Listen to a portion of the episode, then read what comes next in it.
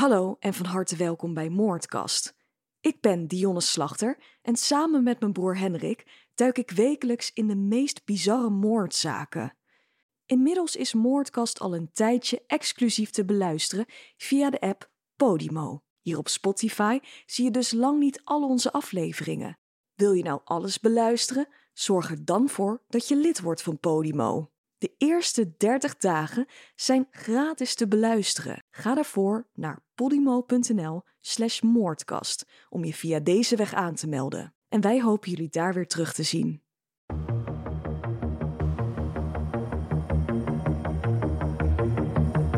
Welkom bij deze nieuwe Moordkast.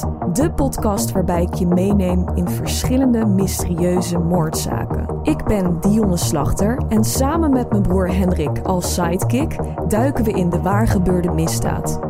Vandaag gaan we het hebben over de Ken en Barbie killers. Wanneer de knappe en jonge Carla Homolka en Paul Bernardo elkaar ontmoeten, blijkt dit een match made in hell. Van harte welkom allemaal bij deze nieuwe moordkast. Ik zit hier natuurlijk weer naast mijn broer. Hey. Daar zijn we weer. Ja, En eh, dit keer met een mededeling. jazeker.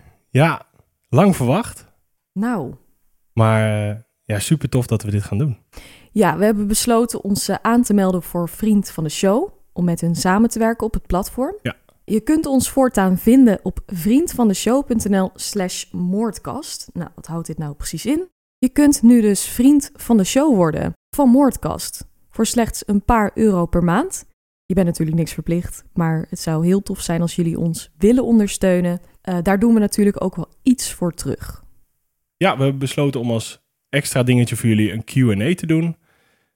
En eh, ja, die hebben wij al opgenomen. Ja, die staat momenteel al live op Vriend van de Show. Alleen vrienden kunnen die beluisteren. Ja, het is een Q&A over eh, de moordzaken waaraan we werken. eh, hoe precies Moordkast in elkaar zit. Hoe het er achter de schermen aan toe gaat. Om te beginnen hebben we een vragensticker op Instagram eruit gegooid op de stories. Om te vragen wat jullie van ons wilden weten. En daar hebben we een Q&A van opgenomen. Die staat nu op Vriend van de Show. Dus ben je daar benieuwd naar? Ga naar vriendvandeshow.nl slash moordkast. En op dit moment is er ook een hele leuke kerstactie gaande. Als je Moordkast voor een jaar lang steunt, mag je iemand anders een jaar lang cadeau geven. Dus die krijgt gewoon een heel lidmaatschap cadeau. Ja, die kan die cadeau geven aan iemand Ja. anders. Oh, dus eh, één jaar lid is één jaar lid voor iemand anders. Nou, toffe Een actie. cadeau. Super toffe actie. Dus ga vooral eventjes naar het linkje. Zo kunnen we Moordkast ook blijven maken. En we zijn van plan zo'n Q&A gewoon maandelijks voor jullie te doen. En wat het leuke is, je kunt via Vriend van de Show een eh, voice memo naar ons sturen met je vraag. Dus de volgende Q&A zal dan zijn met de stemmen van onze luisteraars. Dus dan hoor je eigenlijk de vraag van een luisteraar en dan beantwoorden wij die. Ja. Ja, dus voor extra content ga naar vriendvandeshow.nl slash moordkast. Vond ook echt waanzinnig leuk om te maken trouwens. Ja, dat weet ik. ja. Ja, ik wilde eigenlijk van, niet zijn stoppen. we nu al klaar? Ja, ja, ik wilde nog een bonusvraagje doen. Ja, snap ik. En dan tot de orde van de dag, want we hebben natuurlijk weer een nieuwe zaak voor jullie klaarstaan. Het is deze maand in december True Crimes of the 90s maand. Want vandaag, 10 december, ja, staat mijn eigen serie online op Discovery+. Plus. Vet, hé. The True Crimes of the 90s met Dionne Slachter. Het is, Heel zo, tof. ja, het is zo tof, en maar ook zo vreemd om jou eh, eh, als, als presentatrice van de moordzaken te zien die, Ik vind het ook die heel vroeger vreemd. altijd keek, weet je wel? Ik vind het ook heel En, vreemd. dus- ja, en vreemd, maar wel in positieve zin. Het went heel snel, Mhm. dus eh, dat is een compliment. Ja, ik vond, vond het echt ehm, ook hele toffe docu's. Ja, we hebben hele, echt hele toffe zaken mogen behandelen. We bespreken O.J. Simpson en Rodney King in de eerste twee afleveringen. Die staan vandaag op Discovery+. Plus. Elke week komen er twee afleveringen online te staan op Discovery+. Plus. En een lidmaatschap kost slechts 3,99 ja, per maand.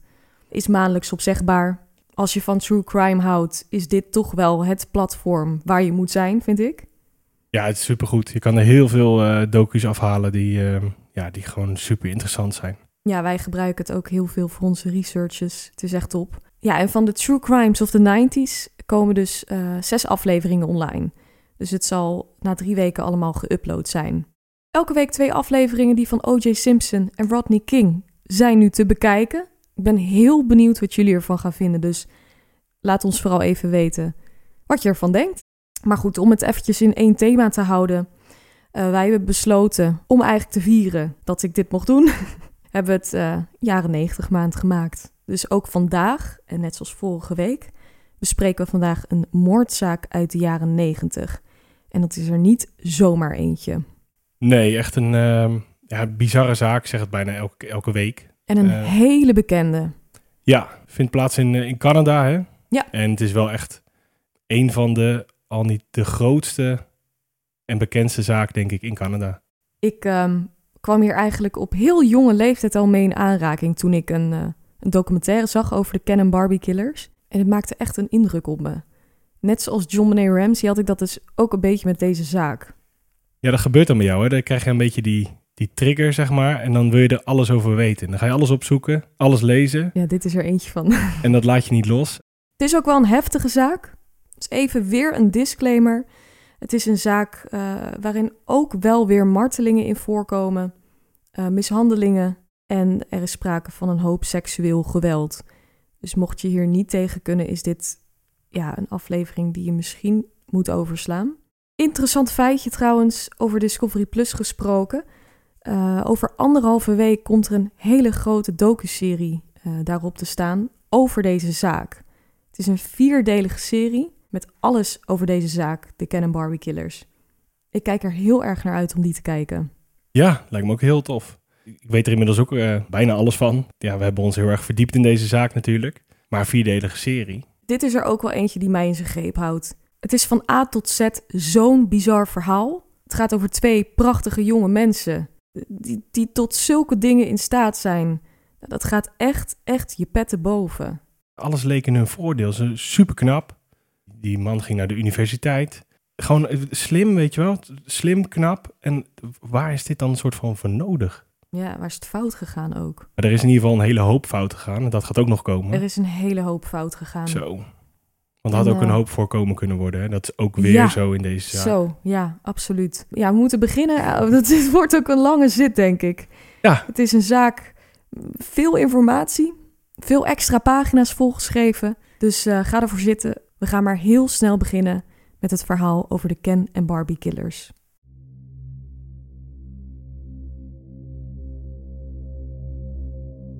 Carla Lien Homolka wordt geboren op 4 mei 1970 in Mississauga en dat ligt in de provincie Ontario in Canada. Ze groeit op in een liefdevol, vriendelijk gezin. Haar ouders zijn Dorothy en Carol Homolka en Carla is de oudste van hun drie kinderen. Ze heeft nog twee jongere zusjes. Tammy, die vijf jaar jonger is, en Lori, die één jaar jonger is. Die drie lijken best wel op elkaar. Alle drie blond, knap. Ja, uh, gewoon heel knap gezin. Ja, zeker. Ja. Ja, drie knappe, mooie blonde meiden. Ja. Ja, die vader zal het zwaar krijgen als ze gaan puberen, zeg maar. Nou, dat zeker. Hè? Dat zal wel gezegd zijn toen, denk ik. Denk het wel. Ja. Carla staat als tiener bekend als een vrolijke, energieke meid. En ze is een mooie verschijning. Haar droom is om later als dierenarts aan de slag te gaan. En als ze 15 jaar oud is, werkt ze bij een dierenwinkel. Ja, ze is echt een dierenvriend. Ze verzorgt ze echt heel goed. Jij bent in deze info gedoken. Dat uh, de, luisteraar, luisteraars dat weten. En ik hoor dit dus voor het eerst. Oh. en ik sta hier een beetje van versteld. Maar ga maar door. Ja, ze was echt een, echt een dierenvriend. Een groot hart voor dieren. Het was haar droom om ook met dieren te werken. En uiteindelijk opgeleid te worden als dierenarts. Het is oktober 1987. Carla is op dit punt 17 jaar oud en ze mag voor haar werk mee naar een grote dierenwinkelbijeenkomst in Scarborough. Het is een soort conventie met diervoeding. Haar werkgever gaat er naartoe en neemt een aantal jongere collega's mee. En Carla is daar één van. Ze krijgt daar dan ook haar eigen hotelkamer. Het is gezellig. En ze besluit samen met een andere collega nog even naar het restaurant te gaan om wat borreltjes te drinken. Ze doen een aantal drankjes in de bar van het hotel. En daar ontmoet ze ene Paul Bernardo. Paul woont in Scarborough en verblijft in hetzelfde hotel. Ook hij bezoekt daar een bijeenkomst. Niet voor diervoeding, maar voor iets anders. De twee raken die avond aan de praat en Paul is een knappe blonde jonge man. Hij is zes jaar ouder dan Carla, op dat moment 23 jaar oud. Hij voelt zich sterk tot haar aangetrokken. En andersom is dat ook het geval. Die avond komt van het een het ander. Ja, die lagen binnen no time op de hotelkamer, zeg maar. Ja, precies. Die zagen het wel zitten met elkaar. Ja. Vuurwerk, hè? Vanaf dag één eigenlijk. Ja. Ik zal eventjes wat achtergrondinformatie over Paul Bernardo geven, want hij wordt geboren op 27 augustus 1964 in Scarborough, Ontario, Canada. Dus hij is daar opgegroeid en nooit meer weggegaan. Als kind was hij een heel schattig jochie. Hij lachte eigenlijk altijd. Had van die schattige kuiltjes in zijn wangen. Hij had hele goede manieren, was vriendelijk, goed opgevoed. En hij deed het heel goed op school. Het was een beetje het perfecte plaatje. Zo zagen mensen hem echt als kind. Maar hij ziet er ook gewoon uit als het perfecte plaatje. Ja, het is gewoon het is een knappe gozer en het, is een, en het was ook echt een, echt een knap kind. Mhm. En, maar ik denk dat, dat kinderen dat ook doorhebben. En dat ze dat ook in hun voordeel gaan gebruiken. Dat ze weten wat werkt. Ja, als hij wat ouder wordt, ja, hij wordt steeds arroganter ook. Dat, dat heeft hij wel. Hij heeft echt wel van die hele sterke, arrogante trekjes. Ja, niemand maakt mij wat. Ja. Ja. Zijn jeugd verliep echter wat minder rooskleurig. De vader van Paul misbruikte zijn eigen dochter, dus het zusje van Paul, en had meisjes aangerand. In 1975 wordt hij beschuldigd van kindermishandeling. Pauls moeder is depressief en verbaal agressief naar de kinderen toe. Ja, zat gewoon niet goed in haar vel door de aantijgingen richting pa. Ging niet zo lekker thuis. Dus eigenlijk het pe- perfecte plaatje wat hij uitstraalde was eigenlijk best wel een groot masker naar buiten toe. Ja, zijn thuissituatie was allesbehalve perfect. Het is niet iets wat hij liet merken richting de buitenwereld. Nee, en van jongs af aan ook al wel geleerd om het binnen te houden, zeg ja, maar. en, en het weg te lachen. Want hij lachte altijd. Ja. Altijd. ja, en dat zou je niet verwachten bij zo'n gezinssituatie. Hè? Nee. Als Paul 16 jaar oud is, biecht zijn moeder op dat hij verwekt is tijdens een, eh, een affaire. Dus zijn vader, die hij altijd gekend heeft als zijnde zijn biologische vader, blijkt dus niet zijn echte vader te zijn. En Paul, heftig hoor. Hè? Paul gaat dan trouwens ook volledig door het lint. Ik denk eh, meer dan terecht. Maar goed, Paul die groeit op als een charmante jongen met veel ambitie. Hij studeerde aan de Universiteit van Scarborough om opgeleid te worden als accountant. Hij droomt ervan om erg rijk te worden, populair te worden. Dat is iets eh, wat hij, waar hij heel veel waarde aan hecht.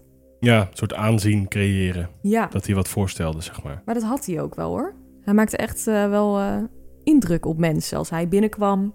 Hij was een grote jongen, hij was fit, knap, had een grote mond. Weet je, het, het was wel echt iemand die binnenkwam. Ja, maar ik denk dat hij daar ook alles aan deed om zo, zo- om zo te zijn. Ja, zeker. Dat het echt alles wel met opzet was. Maar buiten dit alles om ontwikkelt hij ook een hele duistere kant. Zijn seksuele fantasieën nemen echt extreme vormen aan. Hij spiekt soms stiekem door de ramen bij andere mensen thuis. Om meisjes te begluren als ze zich aan het omkleden zijn. Ook bij de buren en zo, hè? Ja, Deed hij gewoon. ze noemden hem een peeping Tom. Peeping Tom. Ja, Peeping gewoon een gluurder. Ja. Ja. En daarbij, hij verlangt ernaar om vrouwen pijn te doen. En hij wordt opgewonden van lichamelijk en psychisch leed. Hij vond ook normale seks vond hij niet zo interessant.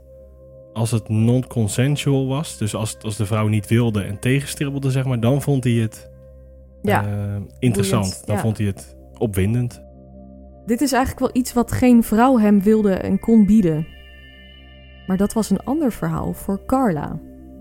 Zij was vanaf het eerste moment smoor verliefd op Paul en had dan ook echt alles voor hem over. Zelfs als ze zich aan hem moest onderwerpen. Ja, die was echt tot, bijna tot alles bereid. Als zij hem hiermee kon pleasen, dan deed ze dat graag. Vanaf dat moment in dat hotel zijn de twee onafscheidelijk. Voor beide is het liefde op het eerste gezicht. En vanaf daar doen ze alles samen. Er was ook echt een gentleman voor haar op het begin. Ja, Eh, cadeautjes kopen en bloemen. ja, nou, hij was, deed enorm zijn best. Voor Carla was het echt een sprookje. hè? Een droom die uitkwam. Ja, Ze had zichzelf altijd wel voor zich gezien met een jongen zoals Paul. haar familie eh, vond het ondanks het leeftijdsverschil, vond, vonden ze het ook gewoon een hartstikke leuke jongen voor Carla. Helemaal perfect. Ja, ze liepen met hem weg. Het was Super echt, blij eh, met hem. Ze zagen echt wel een toekomst eh, in hem voor hun dochter. Ja, en een knappe jongen. En een goede, was, hij zat aan de universiteit volgens mij. Dus Op een gegeven moment krijgt hij ook een goede baan hè, als accountant. ja, ja. In de tussentijd was er een groot drama gaande in de woonplaats van Paul Bernardo. In Scarborough was er een verkrachter actief sinds mei van datzelfde jaar. Dit begon een aantal maanden voor de ontmoeting tussen Paul en Carla. De verkrachter had dan al vier keer toegeslagen en hij had het voorzien op tieners en jonge vrouwen die alleen op straat liepen. Het waren dan vaak meiden die in een park liepen, in het donker of naar huis vanaf een bushalte. Hij achtervolgde ze, hield ze soms zelfs een tijdje in de gaten en dan sloeg hij zijn slag en dat ging er vervolgens gewelddadig aan toe. Hij greep ze van achter onder bedreiging van een mes en sleepte ze dan mee naar een plek waar ze niet gezien konden worden. In sommige gevallen stalkte hij zijn slachtoffers en hield hij ze vanuit een huis in de gaten door door hun ramen te kijken. Soms had hij al dagenlang iemand in het vizier. Deze verkrachter werd omschreven als een knappe blonde jonge man, ergens in de twintig met blauwe ogen. Hij kreeg de naam de Scarborough Rapist. Mensen waren in die tijd ook echt bang geworden. Hè? Want de, de, slachtoffers die nou, stapelden zich eigenlijk wel op. En er was eigenlijk niet een heel duidelijk signalement. Ja, een jonge knappe man. Ja, die, die lopen er genoeg. Ja. Van in de twintig daar. Dus meiden waren daar in de, in de buurt al best wel bang. Ja, het werd ook afgeraden om s'avonds Ja. je eentje over straat te gaan Ja. als vrouw. Ja, Scarborough staat op scherp en doet er alles aan om deze verkrachter te pakken. Er wordt zelfs een beloning uitgeloofd eh, van 150.000 dollar voor degene die de gouden tip weet te geven. Deze Scarborough rapist zal drie jaar lang zijn gang gaan en wordt met de tijd steeds gewelddadiger. Hij liet de slachtoffers vreselijk lijden en hoe meer pijn zij hadden, hoe meer hij ervan leek te genieten. Als souvenir nam hij vaak haren mee van het slachtoffer, of een ideebewijs, iets zodat hij er later nog aan kon terugdenken. Hij gaat dus drie jaar lang door tot 26 mei 1990. Hij maakte toen zijn laatste slachtoffer en precies zij heeft hem heel goed gezien. En zij kan hem ook erg goed omschrijven. Er kan een duidelijke compositietekening worden gemaakt die via de media wordt verspreid in de hoop op tips. Nou, in 1990 staan de DNA-onderzoeken nog in de kinderschoenen, maar de politie gaat het toch inzetten om de dader te pakken te krijgen. En meer dan 130 monsters moesten worden onderzocht. Dan komt er een waardevolle tip binnen. Iemand zou Paul Bernardo hebben herkend. Dat snap ik ook wel. Ja, het is gewoon een tekening van Paul. Ja, ja, Dus- ja eigenlijk wel. Vrienden van hem die schrokken zich helemaal rot. Ja, het, vooral eh, de vrouw van een hele goede vriend van hem, hè? Ja, ja, die heeft de politie gebeld volgens mij. Ja, klopt. Joh, eh, dit is gewoon exact Paul Bernardo. Ja, en Paul Bernardo heeft richting zijn vrienden al best wel vaak opgeschept over zijn seksuele fantasieën. Iets waar hij best wel veel over heeft gepraat. Ja, hij kon het ook slecht voor zich houden. Dus eh, ja, 1 en 1 is 2. Ja, En eh, die vrouw van een van de beste vrienden van Paul, die besluit naar de politie te stappen met deze tip. Mocht je trouwens benieuwd zijn naar de compositietekening, staat op onze Instagram. De politie was nu al erg benieuwd naar eh, deze man, deze Paul Bernardo, en wordt 20 november 1990 verhoord voor de verkrachtingen. Dit verhoor duurt slechts een half uurtje, dan staat Paul weer buiten. Ja, Paul loopt daar binnen en weet ook precies hoe hij het moet aanpakken. ja maar die jongen is, is vanaf jongs af aan eigenlijk al getraind in wat mensen willen horen, willen zien. En daarmee het perfecte beeld scheppen. Ja, hij gooit zijn charmes weer in de strijd. En komt over als een hele vriendelijke kerel. En de politie denkt, nou, dit is echt niet onze guy. Nee. Het is niet de jongen die we moeten hebben. nee, maar toch zou de politie zelf ook beter moeten weten. Want ze zullen ook wel vaker van dit soort mensen tegenkomen, toch? Maar ze keek ook naar zijn achtergrond. Hij was nog nooit in aanraking geweest met politie of justitie. Universiteit. Hij deed de universiteit. Ja. eh, En, ze, en zijn looks, hè. Dat denk Ja. toch echt dat het meehelpt. Ze vroegen hem om DNA af te staan. Ja, dit DNA die, dat staat hij vrijwillig af, zonder om een bevel te vragen.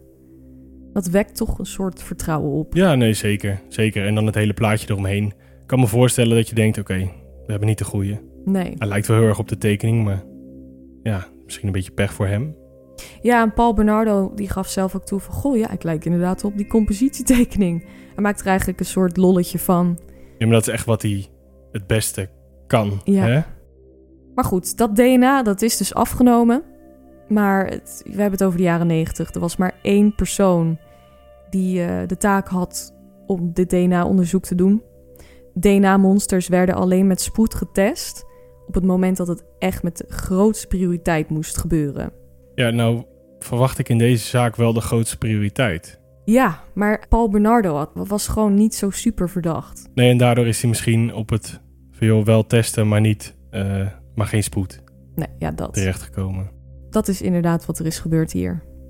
Dit is dus iets wat tijdens de relatie van Paul en Carla plaatsvond en wat heel erg leefde in de gemeenschap van Scarborough. Iedereen leefde in angst en wilde gewoon weten wie deze Scarborough rapist was. Je kan je moeilijk voorstellen hoe dat, hoe dat dan moet zijn als je daar in die buurt woont. Dat er een verkrachter rondloopt en je eigenlijk gewoon niet veilig bent als vrouw. Ja, Hè? en Als dan jonge drie vrouw. jaar lang. Ja, dat, dat is dan ook zoiets. Dan, dan ga je toch niet, niet lekker naar buiten, lijkt mij. Nee, En zeker niet alleen. Je moet altijd, altijd iemand eh, regelen die bij je is of die je thuis brengt. Het lijkt me best wel beperkend, die angst. ja, ja zeker. Maar goed, weer eventjes terug naar de relatie tussen Paul en Carla.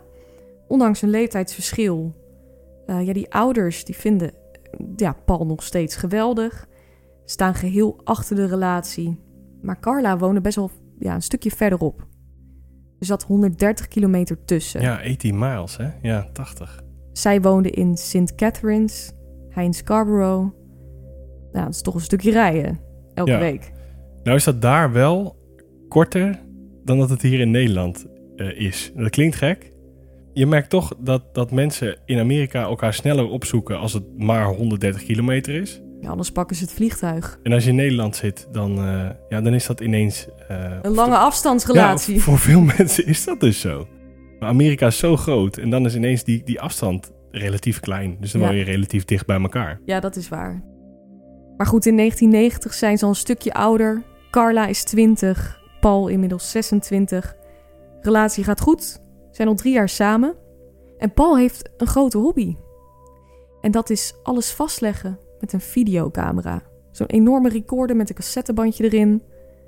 Die wij vroeger ook hadden in Ja. de jaren 90. Ja, daar kwam, daar kwam er eerst, eerst zo'n zo'n mega camera naar binnen en dan eh, pa die dat ding vasthoudt. Hè, weet je dat nog? Maar ook echt zo'n soort luiertas. Ja, die zat daarbij, ja. Daar liep hij ook helemaal scheef van. Ja, het was echt een enorm ding. Met die bandjes erin. Ja, maar ik ben wel blij dat hij zo dedicated was. Want wij hebben nu wel hele toffe beelden van onze Ja, we tijd. hebben wel... eh, ja, Maar Paul had die hobby ook. En die droeg dat ding overal mee naartoe. Elk uitje, alles moest worden gefilmd. ja, het was ook vrij nieuw, hè. Dus de mensen vonden dat helemaal... Ja, maar is ook gewoon super tof voor later.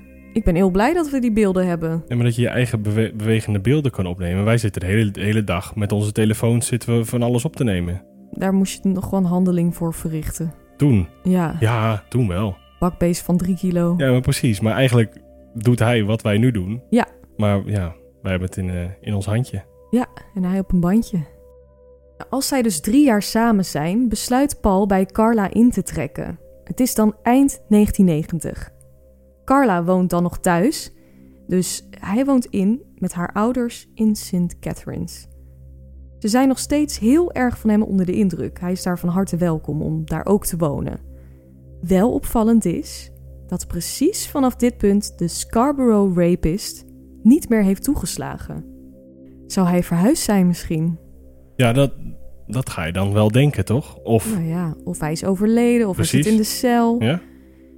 De politie vraagt zich af van... hé, hey, wat is er met de Scarborough rapist gebeurd? Nou, er zijn, zijn natuurlijk een aantal mogelijkheden. Ja. Maar verhuizen is zeker een optie.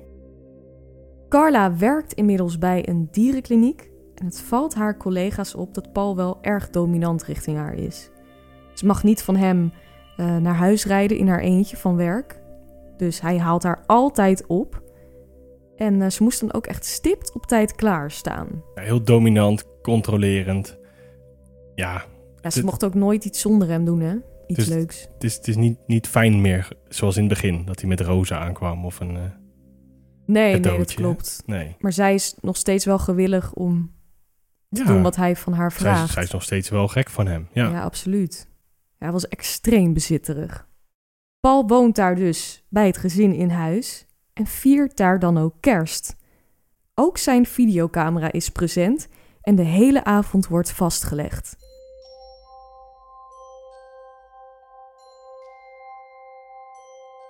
Het is een gezellige avond, de alcohol vloeit rijkelijk.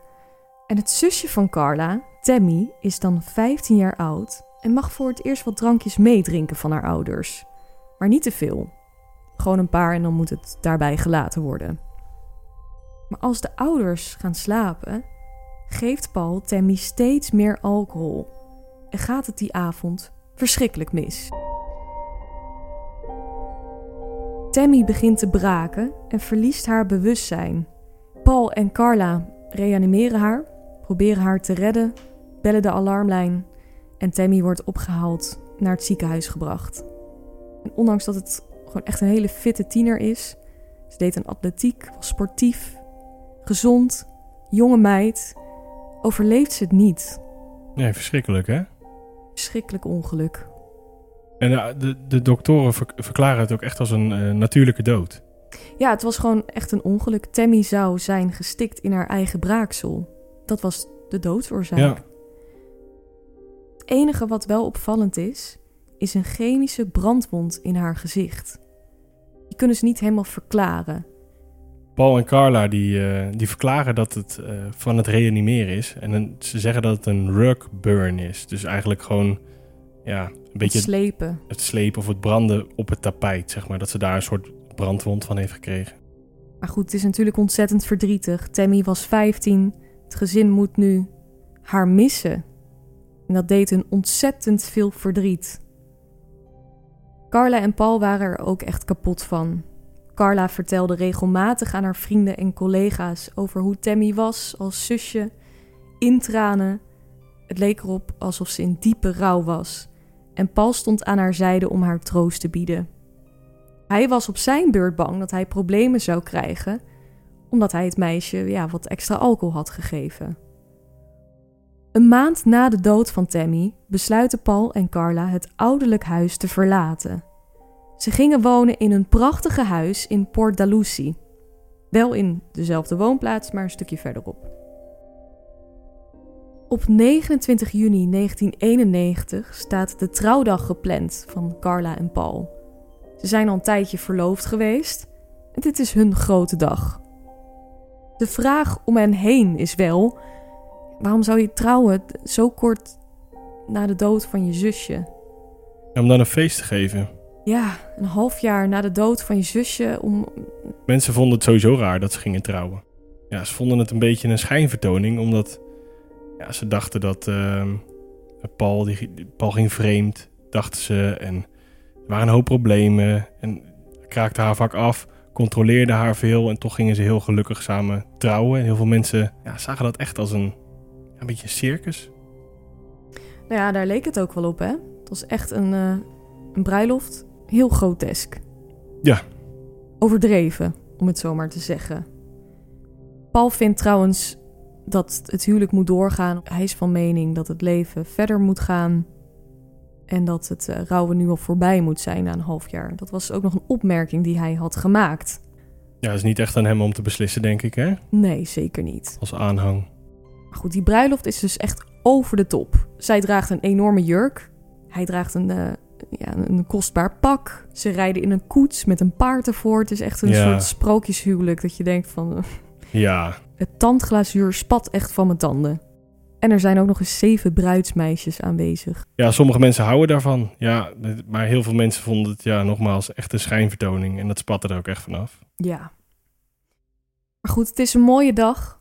Het is zomer. Ze trouwen. En eh, het is een dag die niemand snel zal vergeten.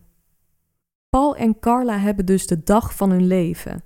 Maar 30 kilometer verderop, diezelfde dag, zullen levens totaal worden ontwricht. Laat in de middag besluit een man genaamd Bill en zijn vrouw te gaan kanoën in Lake Gibson. Ze zouden wat rondvaren in een kano met een biertje erbij. Het zou een gezellige zomeravond worden. Maar een meter van de kustlijn ziet Bill wat vreemde cementblokken liggen als hij zijn kano te water wil laten. Eentje lijkt een beetje door het midden te zijn gebroken en hij besluit een kijkje te gaan nemen. Hij raakt het blok aan met zijn peddel en ziet dat er bloed uit het blok sijpelt. Even later ziet hij ergens een voet uitsteken en besluit meteen de politie erbij te halen. Het lichaam blijkt van de 14-jarige Leslie Mahaffey te zijn. Het meisje was twee weken daarvoor verdwenen na een avondje uit. Ze was een avond bij haar vrienden geweest en was te laat thuisgekomen. Haar ouders hadden namelijk een tijd met haar afgesproken dat ze thuis moest zijn en hadden de deur al op slot gedaan voordat ze thuis kwam. Nou, ze stond dus op straat. Ze kon nergens heen, dus ze probeerde via een telefooncel een vriendinnetje te bereiken. Wat triest. Ja, hè? Ja. Het was ook wel echt een opstandige tiener, dus ik denk dat de maat vol moet zijn geweest. En je maar ouders hebben dan toen, net die avond, gezegd van... joh, hey, ben je niet op tijd thuis? Doe mij de knip erop. ja, maar een meisje van 14, hè? Ja, kom op. Midden in de nacht. Ik vind het, eh, Die moeten gewoon altijd welkom zijn thuis. Hoe ze zich ook gedraagt. ja, Wat zullen ze uiteindelijk achterlijk veel spijt hebben. ge- nou, Zo. wat een schuldgevoel draag je dan met je mee. Ja. Ja. Je hele leven ook, denk ik. Ja. Ze belt dan nog een vriendinnetje via een telefooncel. Of ze daar kan blijven slapen, maar het antwoord daarop is nee. Wat er die nacht gebeurd is, daar hadden ze nog geen idee van. Maar Leslie was een opstandige tiener. En eigenlijk werd er meteen gedacht dat ze was weggelopen. Ze hadden nooit gedacht dat, ook al was Leslie een paar weken vermist, dat het foute boel zou zijn. Nee, maar ik kan me, ook, ja, kan me wel voorstellen dat je dat denkt dat ze is weggelopen. Want ja, je doet zelf de deur op slot. Ja, ik denk dat er veel aan vooraf is gegaan. Ja, tuurlijk, tuurlijk. Dat, dat maar snap ik het, ook. het is. Ook Maar- al was ze dus twee weken vermist, ze dachten alsnog dat meisje is weggelopen. Ja, logisch gevolg van dat. Ja, dat- ja toch? Zeker, van, van de ruzie zeker. thuis. Ja. Vind het ook geen gekke gedachte. Nee, helemaal niet. Nee. En waarschijnlijk is het, is het wel vaker gebeurd. Als dit soort sancties erop staan van we doen de deuren dicht en je komt er niet meer in. Misschien was het inderdaad niet de eerste keer. Nee, ja, we weten niet hoe, hoe het echt gegaan is daar thuis natuurlijk. Maar ik kan me inderdaad voorstellen dat ze dachten, ze is weggelopen. Ja, ze hadden nooit gedacht dat zij door misdrijf om het leven zou zijn gekomen. Nee, Ja, wie heeft dan zoiets op zijn geweten? Zo'n ja, gruwelijke moord. De jacht naar de dader gaat van start, maar het onderzoek loopt al snel vast, omdat er eigenlijk geen aanknopingspunten zijn. Bijna een jaar later, in april 1991, verdwijnt de 15-jarige Kristen French.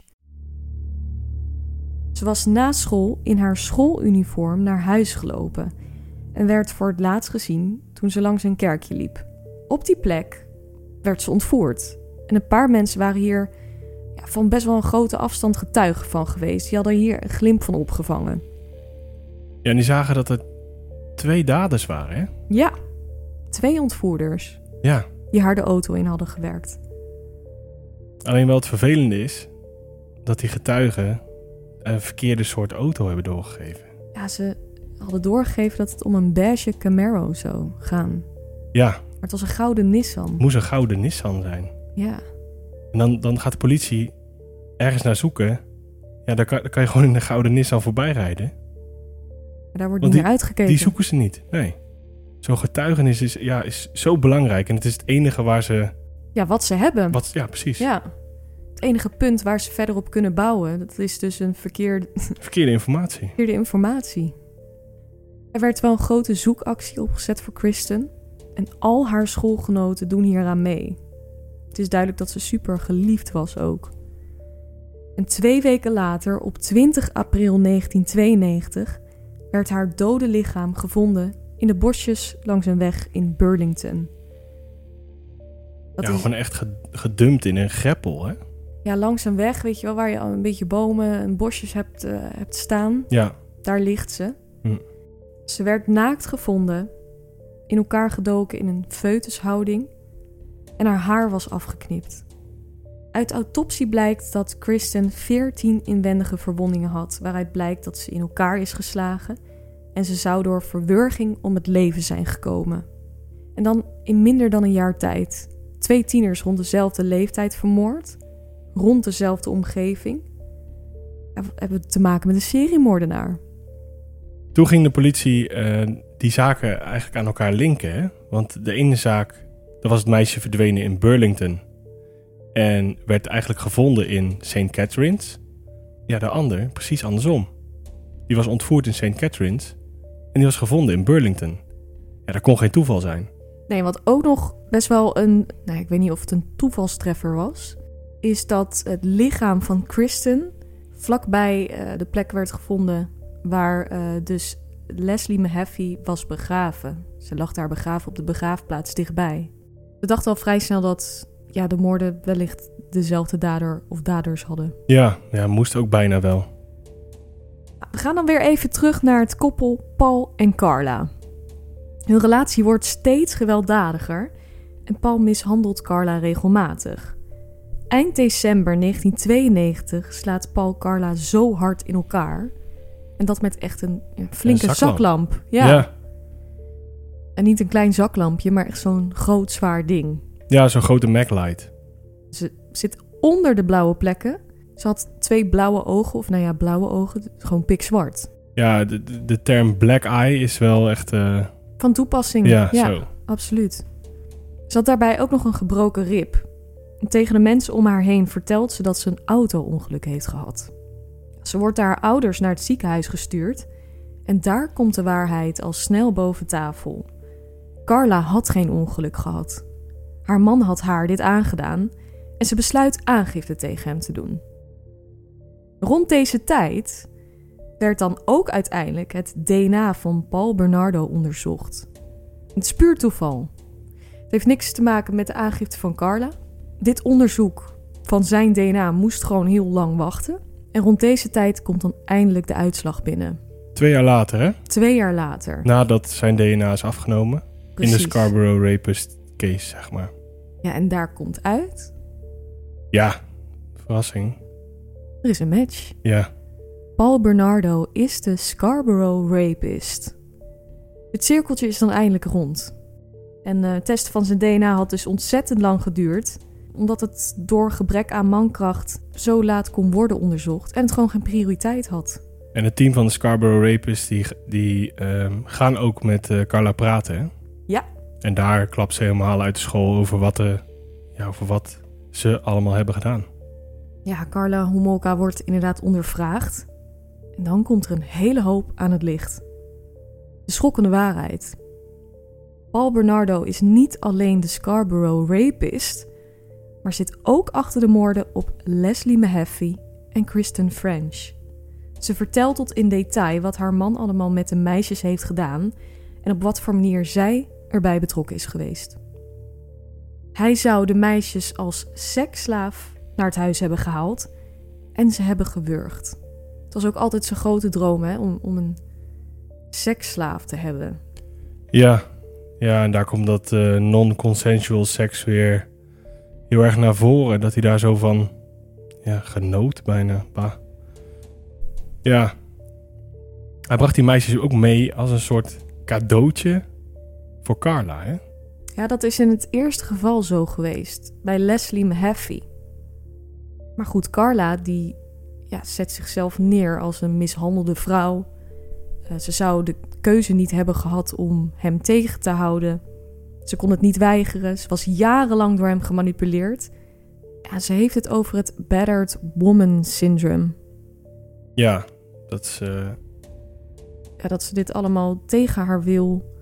Onder druk eh, van haar man. Daaraan heeft meegeholpen. Ja. ja. Ook zou Paul alles hebben gefilmd. Wat hij met de meisjes deed. Dan pakte hij zijn videocamera erbij om alles vast te leggen.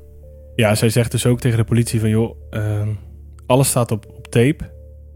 Je kan alles uh, zien. Dat zijn de harde bewijzen. En die zullen het bewijzen dat hij, uh, dat hij dat allemaal heeft gedaan. Ja. En ik ben het slachtoffer. Maar zij heeft geen idee waar die tapes liggen. Carla is ertoe bereid om tegen haar man te getuigen, maar niet zonder een deal te sluiten. Gezien Carla medeplichtig is, kan ze geen immuniteit krijgen, maar gaan akkoord met een fikse strafvermindering. Dit is heel raar gegaan. Het Openbaar Ministerie daar moest eigenlijk wel. eh, want het enige wat ze tegen Paul Bernardo hadden, was de verklaring van Carla Homolka. Dus ja, ze hadden haar echt nodig. En dat wist de advocaat van Carla Homolka ook. En daarom kreeg ze uiteindelijk ja, best wel een verminderde straf. Ja. Toen, eigenlijk voordat die straf is uitgesproken in de rechtszaak, mochten daar wel journalisten bij. Maar die mochten het eigenlijk alleen maar over de beschuldigingen hebben en over de uitspraak. ja, niet over een deal. Helemaal, ja, maar eigenlijk helemaal niks daaromheen. Daarvoor werden ze monddood gemaakt, mochten ze niet over schrijven. En er waren heel veel journalisten en heel, eigenlijk het volk, die ja, waren er best wel boos om dat dat zo geregeld werd. Ook, dat, ook als zij gaat pleiten, of ze schuldig is of niet schuldig, dat mag er ook niet in. Ja, waarschijnlijk heeft ze gewoon schuldig gepleit. Maar de, ook, dat ja, werd niet naar buiten gebracht. Er komt dus een hele biecht. En dan vertelt ze als eerst wat er met Leslie Mahaffey gebeurd is. Dat meisje was natuurlijk bij haar vrienden geweest die avond. Kwam thuis, maar het huis zat op slot, omdat ze te laat was. En eh, zij stond dus buiten te wachten wanneer Paul Bernardo aankomt rijden in de auto en haar sigaretje aanbiedt. Hij was uitgestapt en had haar vervolgens ontvoerd onder bedreiging van een mes. In de auto heeft hij haar geblinddoekt meegenomen naar zijn huis. Carla lag op dat punt te slapen. En Paul was naar boven gelopen om haar te wekken en aan te geven dat hij een speelkameraadje had meegenomen. Een soort verrassing voor Ja. haar. Zo bracht hij het ook. Paul en Carla hebben het meisje vervolgens de hele avond misbruikt, gemarteld en mishandeld. En dit alles werd dus opgenomen door Pauls videocamera. En dit is allemaal de verklaring van Carla nog, hè? Ja. Het schijnt dus dat Leslie haar blinddoek was afgegleden en dat ze daarop besloot het meisje te wurgen. Ze wilde niet gepakt worden. Dus nu had het meisje ze herkend. Die blinddoek die was afgegleden. Dus voor hun gevoel zat er maar één ding op en dat was het meisje haar leven ontnemen. Ze hebben het meisje dus gewurgd. En eh, het lichaam verbergen ze in hun kelder. Die volgende ochtend is het vaderdag en komt de familie van Carla bij hun thuis langs om daar te eten. Een paar uur daarvoor hebben ze dus dat, ja, Leslie vermoord. En haar lichaam ligt dus nog in die kelder. Het schijnt zelfs zo te zijn dat een van Carla's ouders naar de kelder wilde om aardappelen te gaan halen. En dat eh, een van de twee ze dus heeft tegengehouden van de, nou eh, ga daar maar niet heen. Ja, dat zal eh, ongetwijfeld Paul zijn met zijn gladde praatjes, hè? Dat je dat ook nog gewoon... Hè, dat je dat gewoon kan doen. Lekker vaderdag gaan vieren. Een paar uur ervoor heb je iets verschrikkelijks gedaan. Ja, er ligt gewoon nog een lijk in je kelder. Ja, Dat is toch verschrikkelijk? Later had Paul het lichaam in stukken gezaagd met een kettingzaag en achtergelaten in het meer waar ze dus werd gevonden. Na de moord op Leslie Mahaffey zou het geweld van Paul richting Carla steeds erger zijn geworden. En dan het tweede slachtoffer, Kristen French. Carla en Paul zijn die dag op zoek gegaan naar een slachtoffer. Paul had weer een seksslaaf gewild. Ze zagen bij de school waar Kristen op zat, zagen ze Kristen lopen en zijn haar gaan achtervolgen. Het was dan Carla's taak om het meisje de weg te vragen, een kaart erbij te pakken. Ja, ze zijn dus voor Kristen zijn ze uitgereden. Ze hebben de auto neergezet. Carla is uitgestapt en met een kaart. En toen zijn ze de, ja, is, is zij de weg gaan vragen. Van, joh, kun je me helpen? Ik ben hier niet zo bekend. Kun je me even aanwijzen op de kaart waar ik ben, waar ik heen moet? Ja, en op dat moment eh, wordt ze de auto ingetrokken door Paul. Ja, op klaarlichte dag. Ja. Er zijn wel, er zijn wel mensen die het gezien hebben. Ja, ja die hadden ook die, eh, die Camaro omschreven, wat dus helemaal niet klopte. Precies. Hier gaat het dus om de gouden Nissan. Ja, geen beige Camaro. Nee. Kristen wordt naar een huis gereden in Port Dalhousie. Hier wordt het meisje, net zoals het volgende slachtoffer, mishandeld, gemarteld en meerdere malen verkracht. En dit gaat gepaard met een heleboel geweld. En dit keer houden ze het slachtoffer drie dagen lang vast. Paul zou een elektriciteitssnoer hebben gebruikt om het meisje vervolgens te wurgen. Dit alles zou wederom weer opgenomen zijn met de videorecorder.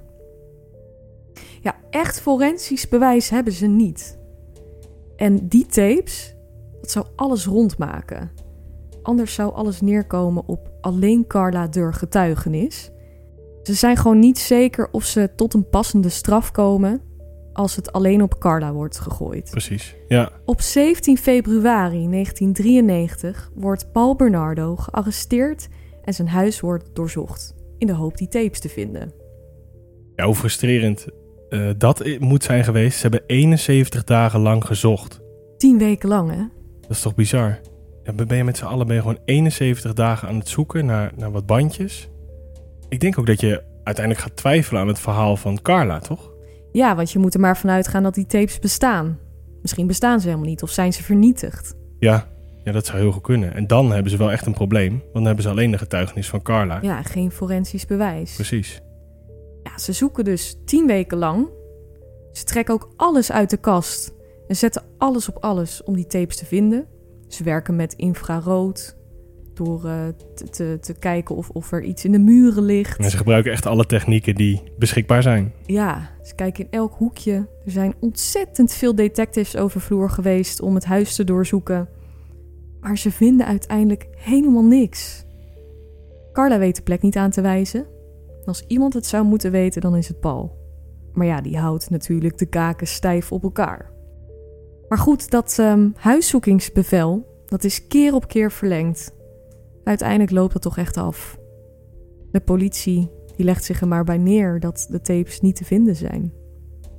De advocaten die de verdediging deden van Paul Bernardo mogen het huis daarna betreden. Wat de politie niet wist, is dat Paul hen instructies had gegeven waar de tapes zouden liggen. Had echt een soort kaartje gemaakt met de omschrijving, een soort plattegrondje getekend van daar moeten ze liggen. Maar heeft hij het dan verstopt? Je bent 71 dagen naar gezocht en het is niet gevonden. Het dus het ligt er nog wel. Het is zelfs vrij simpel. Het lag in de badkamer. Als je daar bovenin een lamp eruit draait, kon je daar zo voelen in dat gat. Ja, ja. En bovenop dat plafond, daar lagen die tapes. Het is gewoon zo'n systeemplafond is eruit geduwd en daar kon je ja. met je hand in en de lagen Het was gewoon een gat en dan had hij de tapes zo... Hij zou toch verwachten dat ze dat hebben onderzocht met alles? Precies, ja. Nou, daar lagen ze. Zes cassettes.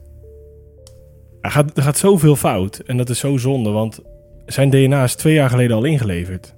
Ja, wat als ze hem eerder hadden gepakt, hè? Dan waren deze twee moorden gewoon voorkomen kunnen worden. Ja.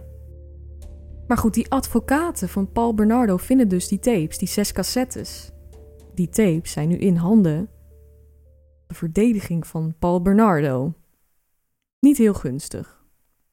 Nou, die advocaten bekijken deze tapes en het wordt ze pijnlijk duidelijk dat Carla minstens net zo betrokken was bij de verkrachtingen als Paul Bernardo. Uit niks is op te maken dat Carla gedwongen wordt en ze lijkt er zelfs een kick van te krijgen. Ja, ze doet er gewoon echt volledig in mee. Volledig. Ja, het is ook echt niet zo dat ze... Ze wordt er helemaal nergens tot toe aangezet. Nee, zij is juist degene die het af en toe ja, precies dat. aanzet. Ja. Dus het strookt helemaal niet met wat zij de politie vertelt... dat zij zo'n slachtoffer is. Nee, totaal niet. Nee. Echt. Heel schokkend ook, hoor. Ja, het meest schokkende moet nog komen.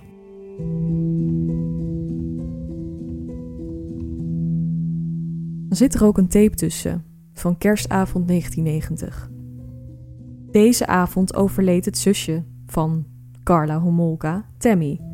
De advocaten zien hierop het zusje dat ze wordt verkracht en totaal buiten bewustzijn is. Ja, ze, is helemaal gedrogeerd, hè? Ja. En daar komt ook dat plekje van op de, uh, op de hoofd of op de gezicht. Uh, en dat komt van een, ja, van een doek met chemische stof die... Ja, die bedwelmingsmiddel. Precies, die Carla voor de neus heeft gehouden. Het meisje wordt niet alleen verkracht door Paul, maar ook door haar eigen zus. Je valt van de ene verbazing in de andere en van fout op fout, maar dit was het kerstcadeau van Carla aan Paul. Omdat het zusje nog maagd was. En Paul had een soort fascinatie voor maagdelijke meisjes. Ja, wat er echt is gebeurd, inderdaad, is dat Carla de maagdelijkheid van haar zusje als kerstcadeau aan haar ja, vriend Paul wilde geven. Toch compleet geschift? Als je dat... Ja. Ja, Paul bleek nogal teleurgesteld te zijn dat hij niet haar eerste sekspartner was. En dat bleef in de jaren in hun relatie constant terugkomen. Dit is iets ja, wat zij hem wilde geven. Het is Ja. echt te ziek voor woorden. En Paul had al door, la- door laten schemeren dat hij Tammy ook wel leuk vond. Nou ja, niet zomaar. Hij had echt een obsessie voor het Mhm. 15-jarige meisje. Hij begluurde haar. Ja. Eh, S S'nachts stond hij stiekem naast haar bed dingen met zichzelf te doen terwijl hij naar haar keek. Hij begluurde haar. Hij had echt een obsessie. Hij flirte ook gewoon eigenlijk openlijk met haar. Het is ook, je hebt zeg maar die videotapes. Mhm. Heel veel materiaal van. Dat is eigenlijk ook best wel te zien dat hij met het meisje flirt. Ja, ja, maar zij vond dat ook een soort van interessant. Maar dat, zij, zij denkt niet aan, aan wat hij denkt natuurlijk. Nee, nee, nee. Maar zij vond de aandacht van hem ook wel interessant. Ja, Het is gewoon echt helemaal verschrikkelijk. En van, ja, van de gekken gewoon dat je dit... Dat je de maagdelijkheid van je zus gaat geven aan je vriend. ja, het is vreselijk. Ja, kan er niet bij. Carla had vlak voor kerst een middel gestolen van haar werk bij de dierenarts, namelijk halotaan. Dat kun je gebruiken als bedwelmingsmiddel.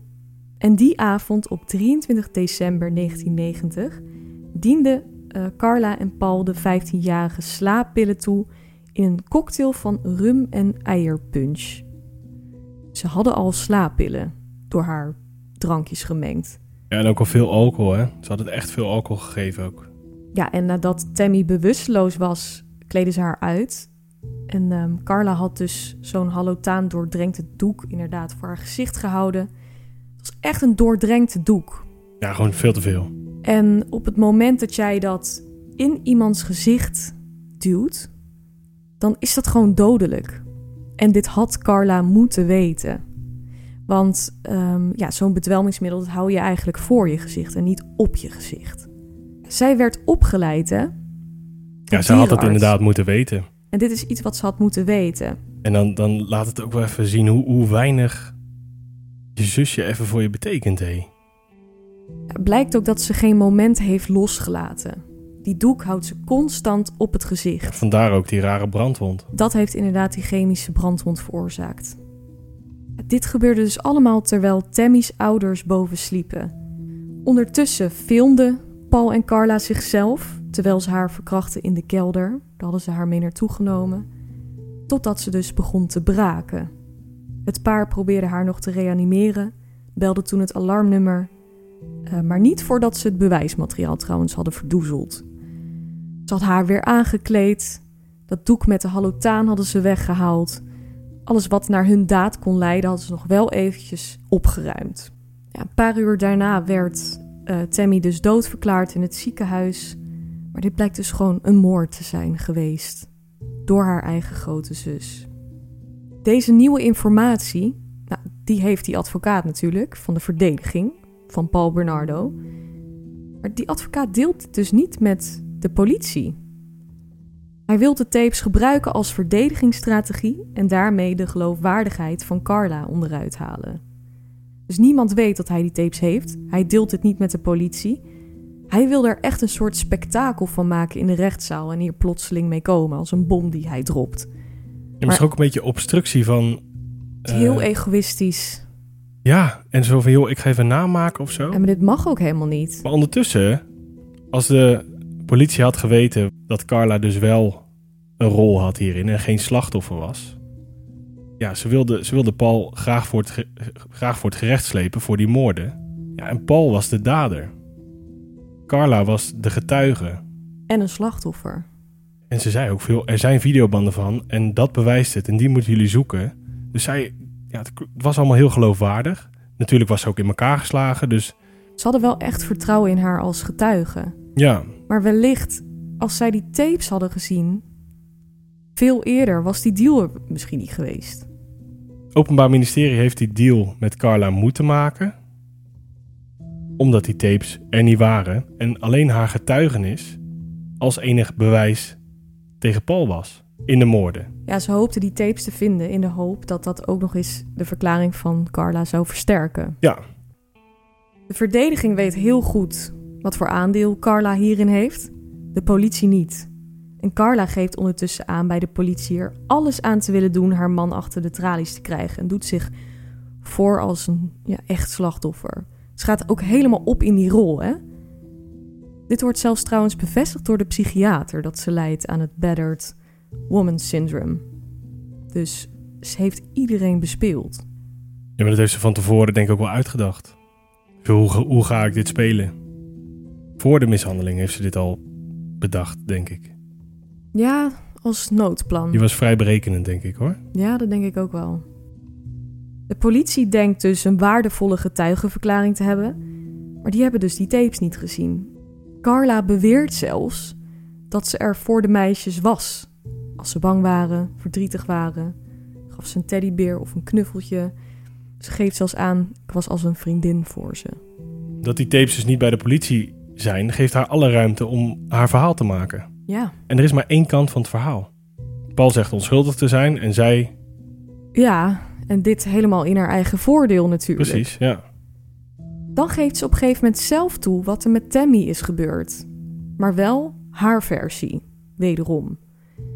Volgens haar zou Paul haar hebben gedwongen om mee te doen, haar te drogeren, die halotaan te halen. De politie krijgt dus ook echt wel de indruk dat dit de waarheid is. En dan wordt de deal officieel gesloten. De politie heeft geen idee dat dit een deal met de duivel zal zijn. Dit alles had echt wel voorkomen kunnen worden als zij op de hoogte waren van de tapes. Zij komt echt heel voordelig uit, hè? Ja, zij krijgt uiteindelijk maar 12 jaar. Ja, vijf jaar voor elke moord en twee voor, voor de zusje. Twee jaar voor de eigen zusje, de moord. Ja, zo bizar. En die deal is al gesloten. Ja, dus als zij schuldig pleit op die twee moorden en gaat getuigen tegen haar man Paul, krijgt ze vijf jaar voor elke moord en twee jaar voor de moord op haar zusje. Ja. De politie maakt een soort reconstructie met Carla door, door hun huis te lopen, zodat ze de plekken kan aanwijzen waar wat is gebeurd. En dit wordt ook allemaal opgenomen met videotape. Ze gedraagt zich dan ook echt als een heilige. Nogmaals, ze gaat echt op in de slachtofferrol, loopt daar in een soort schooloutfit, ze zet een stemmetje op. Maar ze gedraagt zich vreemd en toont geen enkele vorm van empathie. Ze vraagt of de meubels tijdens het onderzoek beschadigd zijn, waar dit staat, waar dat staat. Uh, dit moet ze nog eventjes meegeven aan haar zusje. Daar ben je toch totaal niet mee bezig. Als je op die plek bent waar je zulke traumatische dingen hebt meegemaakt. Aan niks is te merken dat hier hele heftige dingen zijn gebeurd. Nee. Doet daar weinig. Oh ja, ja, nou, daar is ze gewurgd. Oh, is, zijn mijn meubels beschadigd? Ja. Op die manier. Ga je lekker daar druk over maken. Heel oppervlakkig, heel materialistisch. Ja. En totaal zonder gevoel. De advocaat van Paul Bernardo, die die tapes al die tijd voor zich had gehouden, dat is Ken Murray. En hij moet stoppen met de verdediging van Paul. Dus Paul krijgt een andere uh, advocaat toegewezen. En uh, die andere advocaat, die oude advocaat, die de tapes had achtergehouden, die had dat 17 maanden voor zichzelf gehouden in een kluis. 17 ja. maanden. Maar hij belemmert daarmee ook gewoon echt het onderzoek. Ja. Ook richting de slachtoffers. Het lijkt me ook dat het niet, ja, volgens mij mag Hij is veroordeeld. Ja? Ja, hij is ook later veroordeeld. Oh, dat hoor ik voor het eerst, maar dat klinkt goed. Ja, en terecht. Ja, maar wat, wat denk je dan? 17 maanden, anderhalf jaar bijna. Ik zou heel graag willen weten of hij dat misschien echt had kunnen voorkomen. Ik denk het wel. Of, of, of hij die tapes al had voordat die deal werd gemaakt. Dat zou ik wel heel graag willen weten. Ik kon daar niet goed uitkomen. Het was nog wel voor die deal, ja. Dus, maar weer, wederom, had er iets voorkomen kunnen worden. ja. Dat komt zo vaak terug. Mo moet je nagaan wat dit doet met de slachtoffers. Ja, Er is een deal gemaakt met iemand die net zo hard schuldig is voor de moorden en de mishandelingen en misbruik. sterker nog, ik denk dat zij eh, een beetje de mastermind was achter de moorden. Omdat, ja, Paul deed alle verkrachtingen, maar hij liet al zijn slachtoffers leven. Totdat hij slachtoffers mee naar huis ging nemen, naar Carla toe. Dit is ook inderdaad wat eh, Paul zelf verklaart. Dat Carla erop aandrong de meisjes te vermoorden. Ja, dat dat echt haar idee was. Ja, de- ik- dat is ook echt, echt de indruk die ik ervan krijg. Het zou kunnen. Nou, de mensen die de tapes hebben gezien, die, die, ehm, die denken dat wel. Ja, Het, eh, toch het overgrote deel. Maar goed, die nieuwe advocaat heeft dus de tapes overhandigd aan de politie. Wel direct. Direct. Ja, Toen hij werd aangewezen als nieuwe advocaat van Paul, was het eerste wat hij deed die tapes overhandigen. Chapeau. Fijn. Ja 17 maanden te laat, maar Ja, oké. de agenten bekijken de videobanden en ze zien inderdaad dat hun getuige net zo hard meedeed aan alles. De verkrachtingen, de mishandelingen, de martelingen. Carla was gewoon net zo op de voorgrond als Paul. Net zo schuldig of niet eens, ja, Ja, misschien minstens. wel meer. Ja, minstens. zo schuldig, zo zeg je dat. Ja, Maar op een van deze tapes is een slachtoffer te zien waar Carla het nog niet over had gehad. En dat is een meisje die Carla zelf mee naar huis had genomen, die ze kende van werk. Het is een eh, 15-jarig meisje en dit gebeurde vlak voor de moord op Leslie Mahaffey. Ze had het meisje naar huis gelokt en ook haar gedrogeerd. Dit was dan het huwelijkscadeau wat ze wilde geven aan Paul. Wat is dat toch met die cadeautjes? Ze geven elkaar constant ja maar je- het, gewoon een, je, je geeft elkaar een soort tiener... een mensenleven. Ja, om daar je helemaal op uit te leven. Verschrikkelijk. Gelukkig kunnen wij ons dat niet voorstellen, maar... Ze bracht het dus echt als een huwelijkscadeautje richting Paul. Op de tape is te zien hoe Carla als eerste het meisje verkracht. Daarna Paul. Nou, en dat meisje is dus helemaal buiten Westen. Ze is bewusteloos, gedrogeerd. De volgende dag was het meisje ja, ziek wakker geworden. Ze dacht dat ze een kater had. Ze hadden met z'n drieën wel het een en ander gedronken. Maar ze had geen idee wat er met haar was gebeurd en wat die twee haar hadden aangedaan. Ze had de aanval wel overleefd en was, ja, niets vermoedend, denkend dat ze een kater heeft naar huis gegaan. Er zat ook nog een andere tape bij, een hele verontrustende tape, waar Carla seks had met Paul terwijl ze deed alsof ze Tammy was. En dit was echt een paar weken na de moord op haar zusje. Ze deed haar na, ze had haar kleren aangetrokken, en ze speelde de avond na. Gewoon ziek. Het was echt, Ja. maar echt met lachen en, en Gewoon lacherig over doen. Alsof heel er gewoon totaal geen gevoel bij... Het deed haar totaal niks. Nee. Maar goed, die tape waarop dat meisje te zien is, dat on- onbekende meisje die het overleefd had, noemen we even Jane Doe. Die wordt ook Jane Doe genoemd. Carla had natuurlijk haar verklaring gegeven, maar had dit dus verzwegen, dit hele Jane Doe verhaal. En dat is natuurlijk niet voor niks, want dit was het enige slachtoffer die het nog na kon vertellen. Ja, al weet zij er helemaal niks meer van. Het is wel lastig, maar die had haar wel kunnen herkennen. En kunnen, Ja. ze, kunnen zeggen van, joh, ik was daar en ik ben wakker geworden en ik weet, wist er helemaal niks meer van. Ja, zij had ook kunnen vertellen dat ze er naartoe was gelokt door Carla.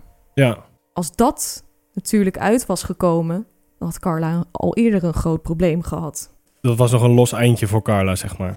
Ja, het was inmiddels wel duidelijk. Carla heeft zich ja, zo anders opgesteld. Of tenminste, die heeft zo anders verklaard dan wat ze ja, echt heeft gedaan. En dan is de vraag: kon de politie de deal verbreken met Carla of niet? Waar doen ze goed aan? Dat is geen optie, hè? Nou, ze hadden natuurlijk alsnog haar verklaring nodig. Paul moest voor moord achter de tralies worden gezet. En die moorden die waren natuurlijk niet vastgelegd op tape. Dus voor de moorden hadden ze wederom geen forensisch bewijs. Ze hadden alleen de verklaring van Carla. Zonder de verklaring van Carla kon hij alleen schuldig worden bevonden aan Verkrachting. de zedendelicten, ja, Ja. die op de tape stonden. ja, dus ze hadden Carla nodig, maar ze hebben die deal ook al gemaakt. En in Canada is een deal een deal. Ja, ja, maar buiten dat om Konden ze niet, konden konden ze ze niet, meer niet openbreken. anders. Anders zou hij nooit voor moord kunnen worden berecht. Hun enige keuze, hun enige optie was om de deal te eren. En dat klinkt eh, in, in deze zaak echt heel wrang. En tijdens het proces wijst Paul juist dus Carla aan als brein achter de moorden. En ehm, hij, hij geeft aan dat hij nooit van plan was om, om een eind te maken aan het leven van de meisjes. Nee, en dat, is- ja, ik had het net ook al gezegd, maar er zit wel wat in. Omdat hij dat Ja. eigenlijk ook nooit deed. Ja, of ze versterkten elkaar. Maar ja, ik denk ook echt wel dat zij... eh, ik heb wat dingen gezien. Ik heb ook het transcript gelezen van een van de tapes. Dat is de videotape waarin Carla zich voordoet als haar zusje en seks heeft met haar man. Zij is echt gestoord. Ja, Ik kan ervan nou, uitgaan. dat zijn ze allebei, Ze maar is geen slachtoffer. Daar is Nee. echt geen discussie over mogelijk. totaal niet. Nee. Maar hoe dat dus zit, geen idee. Maar ik ben van mening, die twee zijn allebei net zo schuldig. De een niet meer of minder dan de ander. Ze hadden gewoon allebei levenslang moeten krijgen. Maar dat was dus in dit geval niet mogelijk omdat er niet genoeg forensisch bewijs voor was. Carla wordt officieel op 28 juni 1993 schuldig bevonden. Ook al was zij de gewillige handlanger en geen slachtoffer. Ze krijgt 12 jaar. Paul Bernardo werd veroordeeld op alle punten van verkrachting en moord en kreeg op 1 september 1995 een levenslange gevangenisstraf opgelegd. Hij kwam dit jaar voor de tweede keer in aanmerking voor vervroegde vrijlating, maar dit werd na een heel kort overleg al van tafel geveegd. Nou, hij gaat waarschijnlijk ook nooit meer vrijkomen, want in de gevangenis heeft hij ook nog een bekentenis afgelegd. En dat ging over meerdere verkrachtingen en Dat hij nog meer. Ja, over de, over, de, over de Scarborough Rapes. En hij heeft over nog wat zaken, of, of gewoon extra informatie gegeven en een boekje open gedaan. Waardoor ze eigenlijk nu verwachten dat hij bij elke parole hearing ja, wordt afgewezen. En dat hij gewoon zijn leven in de gevangenis blijft. Hij toont ook geen berouw.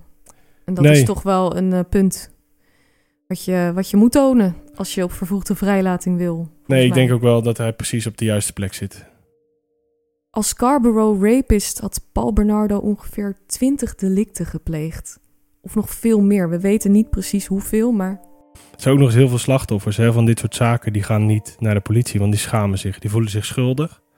En dat is echt eh, heel veel voorkomend bij ja, slachtoffers van verkrachting. Dat is echt heel naar. Nou, en dan heb je Carla met haar 12 jaar. Die werd in 2005 vrijgelaten. Ze heeft inmiddels drie kinderen en leeft onder een andere naam in een Frans gedeelte in Canada. Ja, waar niet iedereen het verhaal van de Ken en Barbie killers kent. Ja, het hele land is super boos. Ja, ze hebben een deal gemaakt met de duivel. De, de krantenkoppen zeggen ook, ja, deal with the devil. Ja, dat zij na twaalf jaar gewoon weer vrijloopt. Dat is onvoorstelbaar. Ja, en ze is dus al best wel een hele tijd vrij. Ja. En wat er daarna gebeurt, ja, ik, ik dacht, nu is het toch wel afgelopen. Maar dan krijgt ze een kind. Drie. Ja, Drie kinderen. dan nog één en dan nog één. Ja. ja. Eh, dat zat ik me heel erg af te vragen. Als die kinderen rond een jaar of twintig zijn, ja, die gaan er op een of andere manier toch wel achter komen dat hun moeder die geschiedenis heeft. Dat moet Ja. wel. zeker. Hoe, hoe ga je dat uitleggen? Haar verleden blijft haar achtervolgen, hè? want het kan wel zijn dat ze vrij is. Het wordt overal herkend. Eh, ze wordt overal herkend. Is ook, ze heeft een best wel herkenbaar gezicht. Ik moet zeggen, haar gloriejaren zijn wel voorbij. Ja, ja twaalf jaar in de gevangenis. En, eh, ja, ik snap het. ja. Ze had dus zichzelf een andere naam gegeven. Die is eh, onderschept. Er zijn soms cameraploegen die achtervolgen haar en de kinderen. Op een gegeven moment werd in haar buurt en op haar school werd bekend wie zij was. Werden er affiches en blaadjes geprint met haar foto en alles wat ze had gedaan. ja. Dat werd rondgedeeld. Ik denk die kinderen die worden er veel eerder mee geconfronteerd. ja die, die merken toch wel, er is iets mis. Ja, er zit constant pers achter haar aan. Hè? Maar uiteindelijk moet je het ook gaan uitleggen aan je kinderen. Ja, ik ben benieuwd eh, wat daar gaat gebeuren. Het is wel triest voor die kinderen hoor, eerlijk is eerlijk. Want zij hebben hier ook niet voor gekozen. Ja. En kijk, zij heeft haar straf, wordt ook door sommigen gezegd, uitgezeten. Nou ja, Maar niet het is- eens. Het is niet haar terechte straf. Had ze het in Nederland gedaan, had ze misschien wel 12 jaar of misschien iets meer gekregen. Ja, ze heeft die uitgezeten, maar ik denk dat ze uiteindelijk toch een beetje levenslang heeft gekregen. Er bestaat zelfs een eh, Facebookpagina met best wel heel veel volgers. Iets van 20.000 volgers. Met eh, Watching Carla Homolka. Er worden allemaal foto's opgedeeld van mensen die haar spotten. Joh, die zijn er daar is gewoon echt mee, een die zijn soort ermee bezig. haatbeweging ontstaan. Ja, eh, om haar ja, toch Ja. het leven zuur te maken. het hele land is daarmee bezig geweest. Hè? Het is geen klein land. En nog steeds dus. Ja, ik kan er niet veel medelijden mee hebben, behalve voor haar kinderen. Ja, dat vind ik heel erg. Dat vind ik echt heel triest. Ja. Want die hebben eigenlijk niet echt een eerlijke kans zo. Als erachter wordt gekomen wie hun moeder is of wat dan ook, zullen ze weer van een sportvereniging af moeten. Of weer naar een andere school. Of constant maar weer verhuizen. Ja, ze zullen constant geconfronteerd worden met hun moeders daden. Ik geloof ook niet dat zij spontaan genezen is van haar psychische aandoeningen. Nee, dat denk ik ook niet. Weet je wat ik ook zo erg vind? Carla is nooit berecht voor de zedendelicten die ze heeft gepleegd. Zij is nooit als een. Ze is nooit voor verkrachting berecht, hè? Nee. En dat is zorgwekkend, want ze, haar kinderen zitten op een school. Daar doet ze dus ook vrijwilligerswerk. Uh, buitenschoolsactiviteiten organiseert ze. Ze werkt dus met kinderen. Terwijl zij in haar verleden kinderen heeft verkracht, misbruikt, gemarteld, vermoord. Ja. En niemand weet hiervan. En als zedendeliquent kom je in een bestand terecht en worden mensen op de hoogte gesteld daarvan. Moet, moet er ook niet aan denken, bijvoorbeeld dat, dat mijn kinderen bij zo iemand. Stel je voor dat, dat, dat Ja, Carla zou- dat wist. straks tussen de kleuters zit, de boterhammetjes te smeren tijdens de zou- overblijf. Als ik dat wist, zou ik ze weghalen. Ja, ik ook. Ik ook of, echt. of er iets aan doen dat zij dat, eh, daar, daar niet meer is. Ja, ze is echt eng. Maar het slachtoffer daarvan en weer slachtoffers zijn dus haar kinderen. Ja, Ja, diep en diep triest. zeker. Dat is diep triest. Dit was het hele verhaal van de Canon Barbie Killers. Een hele kluif. Ja, er gebeurt zoveel en er gaat zoveel fout. Ze hebben bij de, bij de politie in die, eh, in die streek, hebben ze, omdat eigenlijk ja, best wel veel voorkomen had kunnen worden, Paul is een, aantal keer verhuisd. En met hem verhuisden ook de, de misdaden, zeg maar. Omdat politiebureaus niet goed met elkaar communiceerden daar, hebben ze nooit krachting of de moord, hebben ze nooit, nooit gelinkt aan elkaar.